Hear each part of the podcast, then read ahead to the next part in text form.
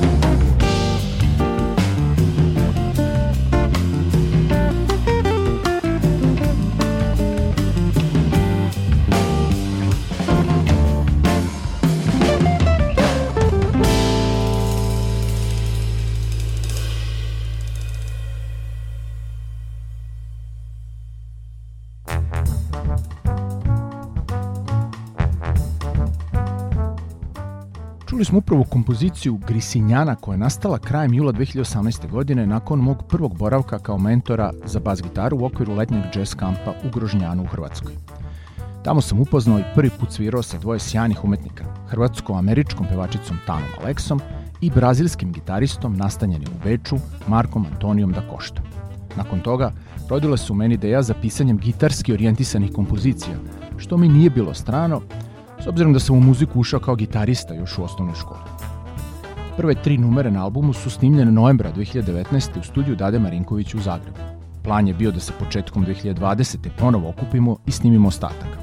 Ali nas je pandemija koronavirusom sprečila u tome. U nastavku slušamo prvo Magic People Dance, koja je finalizirana na licu mesta u studiju tokom probe. Ja sam harmonsko-ritmički napisao delove, Marko je komponovao glavnu melodiju, dok smo sva trojica uradili aranžman. Nakon nje slušamo African in Vienna, jednu od dve duetske kompozicije snimljene u studiju Darka Varge u Novom Sadu januara 2022. godine. Za udaraljkama je sjajni talentovani perkusionista Andreja Krstić.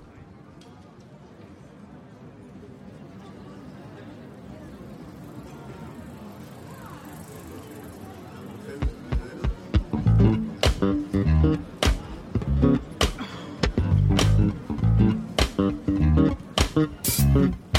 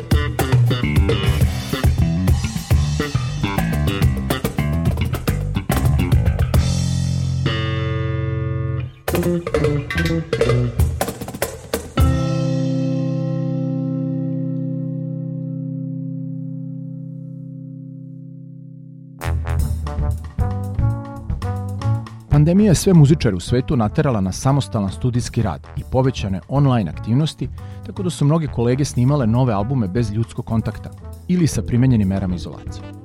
Ja to nisam želeo. Sačekao sam trenutak da se slože kockice i da moj veliki prijatelj i sjajan gitarista Nenad Gajin bude slobodan, kao i Dadin Studio. Drugi deo albuma u gitarskoj trio formaciji snimljen je uživo krajem oktobra 2021. godine. Snimili smo četiri moje kompozicije, od kojih u nastavku slušamo.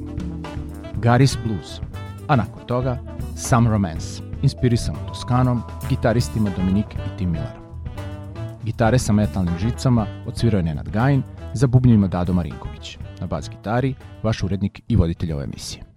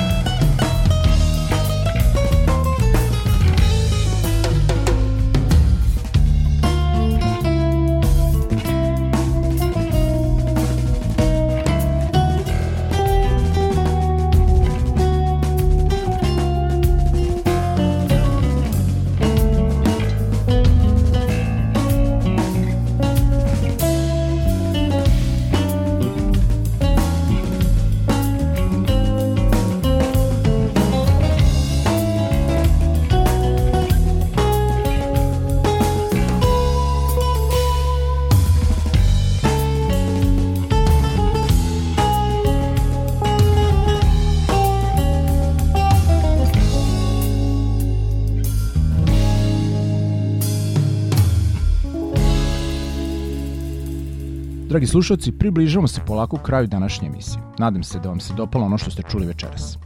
Ja mogu samo da vam obećam da nećete čekati narednih 12 godina na moj novi autorski materijal. Do sledeće emisije u isto vreme na istom mestu uz baladu Blue Song od vas opraštaju i pozdravljaju vas urednik i vojitelj Vladimir Samadžić i ton majstor Violeta Marković. Prijetno.